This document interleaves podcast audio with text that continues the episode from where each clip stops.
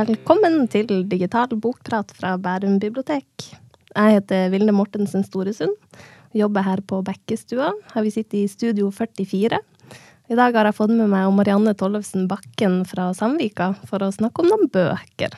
Det er veldig hyggelig å se deg utenom en skjerm, Marianne. I like måte. Vi har jo pleksiglasset fortsatt, men det er mye bedre enn skjermen. Det er ikke ofte man ser folk fra de andre avdelingene nå for tida.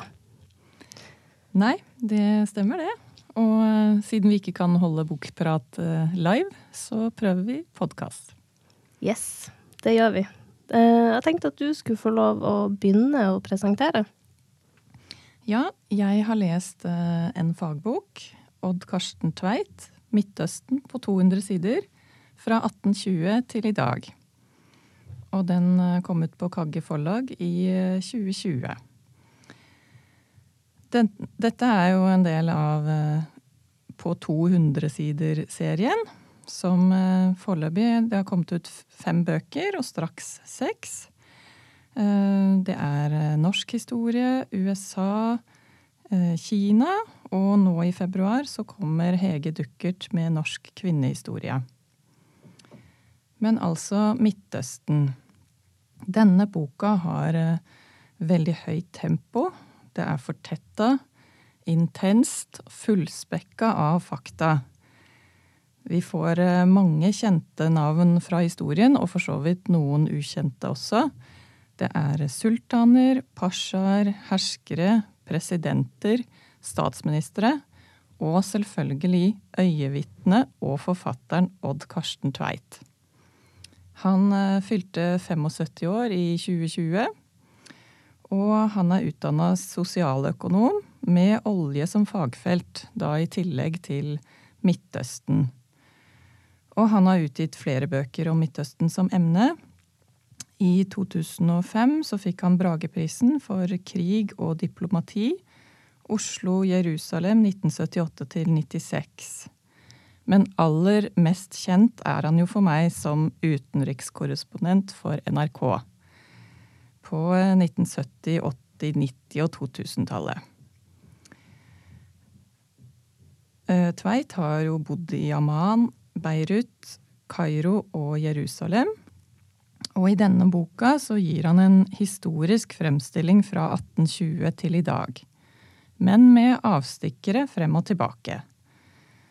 Og vi får høre om regioner, land, kriger og konflikter og den politiske situasjonen i Midtøsten. Og dette er korrespondentens skildring, samtidig som det er tilbakeskuende. Boka er fullspekka av fakta og hendelser, årstall og personer, og det gjør at den er litt kompleks, men likevel veldig overkommelig av formatet. Det er rikelig med illustrasjoner og kart og sitater, så det gjør at man også kan fint sitte og bla. Man må ikke lese alt. Og det er korte kapitler. Jeg måtte lese litt sakte og repetere innholdet når jeg holdt på, fordi det er mye info på liten plass. Og for meg så ga boka en god innføring i Midtøstens historie. Og også en mulighet og inngang til videre fordypning. Så jeg har lyst til å lese mer om Midtøsten etter å ha lest denne boka. Boka starter med dagens nyhetsbilde, inngangen til år 2020 med president Erdogan og Tyrkias innblanding i Libya. Og så går den tilbake til slutten av det tyrkiske rikets storhetstid og fremover til i dag. Og det er store temaer i boka, som ottomanenes overherredømme, fransk-engelsk kolonikappløp, oljefunn på arabisk jord, opprettelsen av staten Israel, som da er opphavet til alle konflikters mor, med Israel- og Palestina-konflikten.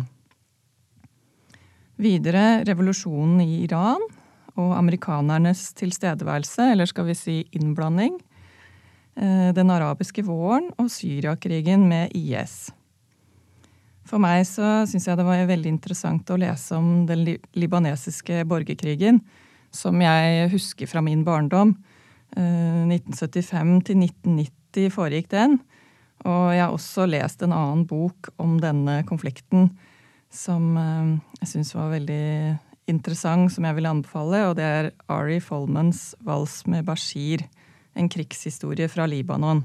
Som da er en tegneserie fra 2009 basert på filmen. Midtøsten på 200 sider kan du også lese eh, som eh, e-bok i Bookbites. Spennende. Jeg liker det konseptet med å presse inn sånne store temaer på 200 sider. Det må være en eh, ja, litt av en utfordring for forfatterne. Men eh, ja, jeg vet at det er jo veldig mange av dem som har klart det veldig godt.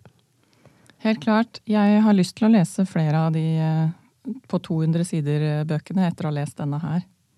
Hmm. Eh, da går vi over på noe helt annet. Ei diktsamling om moderne kjærlighet. Eh, Kari Anne By sin 'Eg et før eg kjem'. Eh, her er det ei dame som blir litt ufrivillig singel. Man kan si at et hjulpet brudd som involverer bl.a. sammenknytte strømpebukse og knekkebrødsmuler i senga. Um, når hun først blir singel, så oppdager hun at verden er full av menn. Det er menn overalt. Og hun begynner å sette pris på estetikken uh, deres. Uh, hun ser på dem som vakre hester som beveger seg rundt, og som helst skal observeres på avstand. Og det går jo vennene hennes veldig fort lei av at hun insisterer på å gjøre, så de ber henne om å slutte å være helt Tor Jonsson og komme seg inn i nettdatingens fantastiske verden. Hun får oppretta en profil på Tinder, og der er det jo veldig mye rart. Det har vi jo hørt om og lest om, og noen har opplevd det sjøl. Og jeg syns hun sammenfatter det veldig fint eh, i det ene diktet som heter Tinder, i den samlinga her. Og det går sånn. Det var ikke tvil. Denne menneskehannen kunne forsørge ei hoe. Sjå, han heller en fisk. det, men det får man vel nesten ikke sammenfatta det. Um, det de ikke vet, eh, denne fortelleren og venninna hennes, er at um, det kan være ganske farlig å begi seg ut i kjærlighetens verden. Uh, og hun skriver, Karianne By, i overmotet påkaller deg ei lunefull kraft Strengt ble de straffa for dette. Hun ble dømt til å brenne i kjærleik. Venninna ble dømt til å slukke brann. Fint, hæ? Veldig fint. Um, jeg et før jeg kjem er ei utrolig sjarmerende og humoristisk og ironisk, um, men også ei veldig sår skildring av kjærlighet i nettdatingens tid. Fordi det er jo det er lite sperre der ute hvis man skal tro på den diktsamlinga her, i hvert fall. Um, og så må jeg også si at sjøl om man ikke har vært på Tinder eller lignende, så er det veldig gjenkjennelig, det som blir skildra i den samlinga her. Uh, alle som har vært forelska, kommer nok til å kjenne seg igjen. Jeg har lest noen av diktene høyt for mamma, som er 65. Hun kjente seg igjen. Og jeg har lest de samme diktene høyt for kompisen min på 32, og han også kjente seg igjen. Så den, eh, den er veldig universell. Ja. Så fint. Jeg har en annen bok som eh, handler om litt annen slags kjærlighet. For det er eh, et, kjærlighetsbrev til Syria. Eh, tilbake igjen til Midtøsten, altså. Jeg har lest Diana Dark, 'Huset i Damaskus', en fortelling om Syria. Og her er det Midtøsten-spesialist britiske Diana Dark, som forteller sin personlige historie om sitt huskjøp i Damaskus, hovedstaden i Syria. Og hun kjøpte da huset før opprøret i 2011. Eh, og det handler jo da om både øh, kjøpet, oppussing og også hva som har skjedd da etter at det ble opprør og borgerkrig i Syria. Huset det var et gammelt atriumhus, og det ligger da i gamlebyen i en av verdens eldste byer. Og Diana Dark forteller veldig levende om byråkratiet og regimet. Eh, I tillegg til da den komplekse overtagelsen av huset, oppussing og innredning. Og eh, Huset ble kjøpt i kontanter, sånn som det er vanlig i Syria. Og selgerne brukte da hele seks timer på å telle pengene ved overtagelsen. Etter hvert så blir jo situasjonen krevende da borgerkrigen kommer og eieren må forlate sitt elskede hus. Og eh, en kommentator fra BBC, Lycé Doucet, sier denne boken er et kjærlighetsbrev til Syria. Les boka, og du vil oppdage Syria bak overskriftene i nyhetene. Boka finnes også som eh, Bookbites e-bok. Hmm. Jeg skal, jeg skal sirkle litt tilbake til um, journalistikken nå. Um, men jeg skal starte med å si at uh, når jeg prøver å formidle tegneserier til voksne lesere, og for så vidt um, barn også noen gang, så blir de ofte møtt med skepsis. Uh, det er veldig mange som uh, ser for seg at tegneserier er fordummende, spesielt for unge sinn. Og det er jo så feil som man får det, men det er en diskusjon for en annen gang.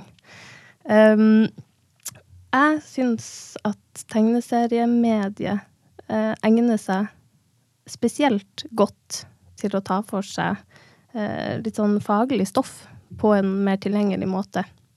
Og en som er ekspert på det, er Joe Sacco. Han har sikkert mange hørt om før. Eh, han er født i Malta, eh, men vokste opp i Australia og USA. Og har reist rundt og eh, intervjua mennesker i store deler av verden. Han har annet skrevet undersøkende journalistiske tegneserier fra Palestina-konflikten og fra krigen i Bosnia på 90-tallet. Eh, fellesnevneren i alle tegneseriene til Sacco er at han plasserer seg sjøl inn i historien og kommenterer fritt. Og det vil si at man får ikke alltid et helt objektivt syn på saken, men han prøver alltid å belyse en sak fra flere sider. Og han intervjuer alltid mange mennesker eh, før han setter seg ned og lager ferdig verket. Den jeg skal snakke om i dag, den heter 'Paying the Land' og kom i 2020. Eh, temaet er olje- og gassutvinning, såkalt fracking, som vi alle har hørt om eh, gjennom amerikansk politikk. Eh, og her dreier det seg om fracking i et område nordvest i Canada. Eh, og hva slags innvirkning det har på urfolket i det området. Eh, han har intervjua veldig mange representanter for, for, det urfolket, og andre mennesker som bor der oppe nordvest i Canada. Eh, og skriver frem en historie som man kjenner igjen fra veldig mange andre urfolk rundt i verden. Eh, det er snakk om internering av barn for å banke ut av dem den brutale livsstilen foreldrene deres har oppdratt dem i. Og som følge av det så har man masse utbredt rusmisbruk og mishandling av egne barn og barnebarn fordi man aldri har fått jobba seg gjennom det man gikk gjennom sjøl. Egne traumer. Vi snakker om berøvelse av naturressurser. Og en sånn følelse av manglende identitet. Hvem skal denne oppvoksende generasjonen av urfolk være når alt blir tatt fra dem, og de blir tråkka på? Eh, og de mener at landet tilhører dem, mens myndighetene røver det fra dem for veldig, veldig mange år siden, på litt uredelig vis. Um, i likhet med den Odd Karsten Tveit-boka du snakka om i stad, Marianne, så er det mye stoff her. Det er veldig mye innhold. uh, og i hvert fall for min del veldig mange nye ord og uttrykk som jeg ikke har så god peiling på. Fracking er ikke mitt uh, fagfelt. Helt klart det, ikke mitt heller. Nei. Uh, så jeg måtte konsentrere meg veldig. Um, det er ikke en sånn tegneserie som man kan lese på senga. Det prøvde jeg et par ganger. Det funka ikke. Eh, og så må jeg bare avslutte med å si at eh, å snakke om en tegneserie i en podkast yter den jo ikke rettferdighet i det hele tatt. Man må faktisk se på de tegningene til Sacco, fordi han har en sånn detaljrikdom som er helt fantastisk. Og alt fra naturen han skildrer, til alle de små nyansene i folk sine ansikter. Han er bare Han er en mester. Helt enig. Les. Ja, vi er litt internasjonale i dag, fordi nå skal vi fra Canada til uh, Italia. Og jeg har hørt en uh, e-lydbok lest av forfatteren selv uh, på Bookbites. Og det er De uskyldige av Kristine T.G. Hardeberg. Boka kom ut i 2019, og det er forfatterens debutroman. På omslaget så ser vi et foto i sepiabrunt av en trapp i Europas aller første barnehjem, Innocenti-hospitalet i renessansebyen Firenze. Forfatter Kristine eh, T.G. Hardeberg er debutant, og hun fikk boka utgitt på Kulturfond. Hun er eh, fotograf, foredragsholder og reiseleder, i tillegg til forfatter. Og selv så sier hun for mange år siden besøkte jeg Europas eldste barnehjem i Firenze. Jeg ble svært fascinert av barnehjemmets historie og alle ammene som jobbet der. Og dette er en bok med forholdsvis rolig tempo, men den er veldig drivende likevel. Det er korte kapitler og mye dialog. Og i handlingen så er det to parallelle historier om to kvinner i hver sin tid. Vi møter Sandra i 1995. Hun er en eh, norsk kvinne bosatt i en bygd på Vestlandet i Norge. Men eh, hun reiser til Italia for å lete etter sin ukjente far. I Italia, i Firenze, så lever Teresa. Og hun eh, lever da før og etter frigjøringskrigen på midten, slutten av 1800-tallet. Så nå skal vi litt tilbake i tid. Og Teresa hun ønsker seg en utdannelse for å få andre muligheter enn moren sin, for hun vasker tøy for de rike. Tonen i boka syns jeg er varm, og jeg følte veldig sympati og omsorg med uh, begge kvinner. Uh, I tillegg til disse to så er det et oversiktlig persongalleri, selv om det er en rekke karakterer da, i tillegg til disse to. De fleste av eh, karakterene er oppdiktede. Men vi hører også om eh, noen ekte personer, så som eh, kunstnerne Michelangelo og Botticelli. Og det er da kunst, arkitektur og historie som er viktige temaer i boka. I tillegg så er det jo en slektsroman som handler om familieforhold og kvinners kår. Både i tidligere tid og i dagens verden. Og andre store temaer i denne boka det er livsvalg og utdanning, kjærlighet og foreldreskap, og da selvfølgelig historien om Europas eldste barnehjem. Jeg syns eh, forfatter Hardeberg har et eh, muntlig språk.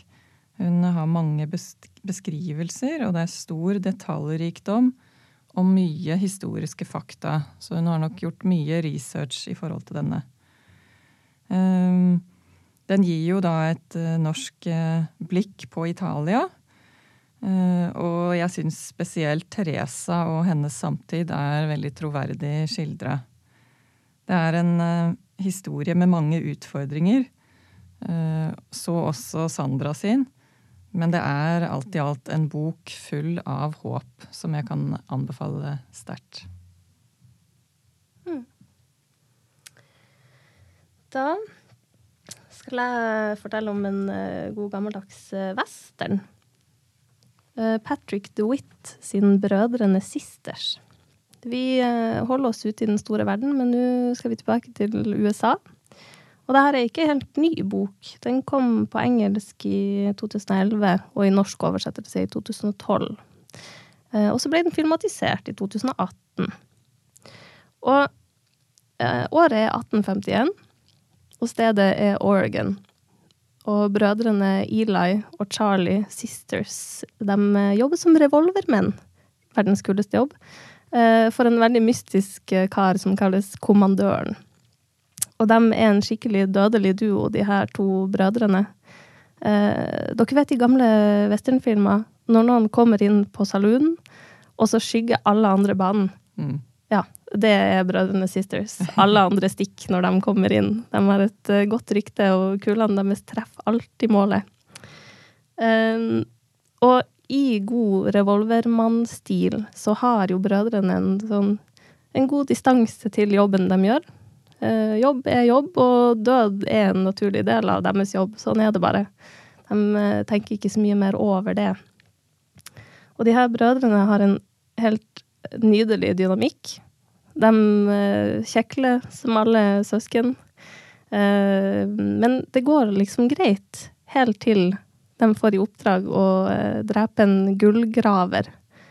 Som en sånn fortryllende alkis som har funnet en ny måte å utvinne gull på. Um, og da begynner de å tvile litt på den her kommandøren og uh, hva slags type mann han egentlig er. Uh, I Brødrene Sisters så er det en helt perfekt balanse mellom humor og alvor, spør du meg i hvert fall. Uh, tenk Lucky Luke møter Clint Eastwood, og så har du noe som ligner. og så er den skrevet med en sånn varme og en inderlighet, som kollegaen min sa, eh, som bare gjør den helt spesiell. Eh, jeg har lånt bort denne boka til mamma og til han pappa, og nå leser samboeren min den. Og jeg har tenkt å fortsette å spre den til alle andre jeg kjenner, for den er så god. Eh, og så må jeg også si at jeg har ikke sett filmatiseringa som kom i 2018, men jeg har sett en annen film som fikk meg til å tenke på den her, og det er uh, The Ballad of Buster Scruggs, som Cohen-brødrene har regissert, og som uh, man nok kan finne på nett og se. Så bra. Jeg eh, vil avslutte med å reise tilbake igjen til Norge. Nå er det jo straks vinterferie, og da passer det jo bra med en hyttebok. Eh, det har kommet flere av disse de siste årene. Eh, og en eh, bok som kom i fjor, det er knytta til hytta. På sporet av den norske lykken. Og som hytteeier selv så var det jo obligatorisk å lese den, syns jeg, og den likte jeg veldig godt. Og Magnus Helgerud, forfatter av denne boka, han uh, har jo vokst opp med tilgang til det gode hytteliv. I likhet med halvparten av Norges befolkning. Ved hjelp av hyttebøkene, de reelle hyttebøkene, da, så deler han historiene om og fra de to familiehyttene i hans familie. Og Helgerud han beskriver hvordan begge steder ble gjort til hytte, med maling og fiksing etter overtagelsen, og han har innført et nytt ord. Han kaller det for hyttifisering. Gjennom årenes løp så har de jo fått modernisert med TV og internett og innlagt vann på den eh, hytta til foreldrene.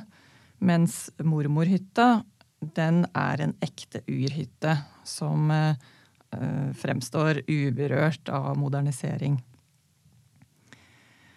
Så det er en personlig eh, historie, hans hyttehistorie, men parallelt så skisseres eh, hyttelivets historie. Og det er både kunnskap og humor og diverse avstikkere underveis. Og det er uh, utedassens historie og Kvikk Lunsjen og Monopolspillet og alt man trenger i forhold til hytteliv. I tillegg til eh, at Magnus eh, mimrer og kommer med fakta, så blir vi med han rett og slett på en moderne roadtrip i Hytte-Norge. Han reiser nedover Sørlandet og eh, besøker flere av sørlandsperlene. Tester nakenbad. Og i tillegg så prøver han seg jo da på hyttesjekking, apropos Tinder, Vilde. Eh, for Magnus han er jo en havets mann, og han drømmer om tilgang til en sørlandshytte som han kan kalle sitt paradis på jord. Så eh, for å få innpass der, så må han jo kanskje treffe noen som har det, da. Det er ikke så lett å skaffe seg. Jeg vil anbefale denne boka her for eh, alle hytteeiere, alle som har en tilgang på en hytte. Men også til alle som har en drøm om en hytte, da. Å eie en hytte. Så eh, den eh, er en fin bok å ta med seg på vinterferie eller påskeferien, da, etter hvert. Og med det så takker vi for oss for denne gang fra Studio 44. Uh, ny digital bokprat kommer i mars, så følg med på sosiale medier og på hjemmesida vår. Uh, og så håper vi at dere alle får en fin vinterferie, uansett om dere skal på hytta eller ikke. Takk for at du kom, Marianne. Takk for meg. Ha det. Ha det.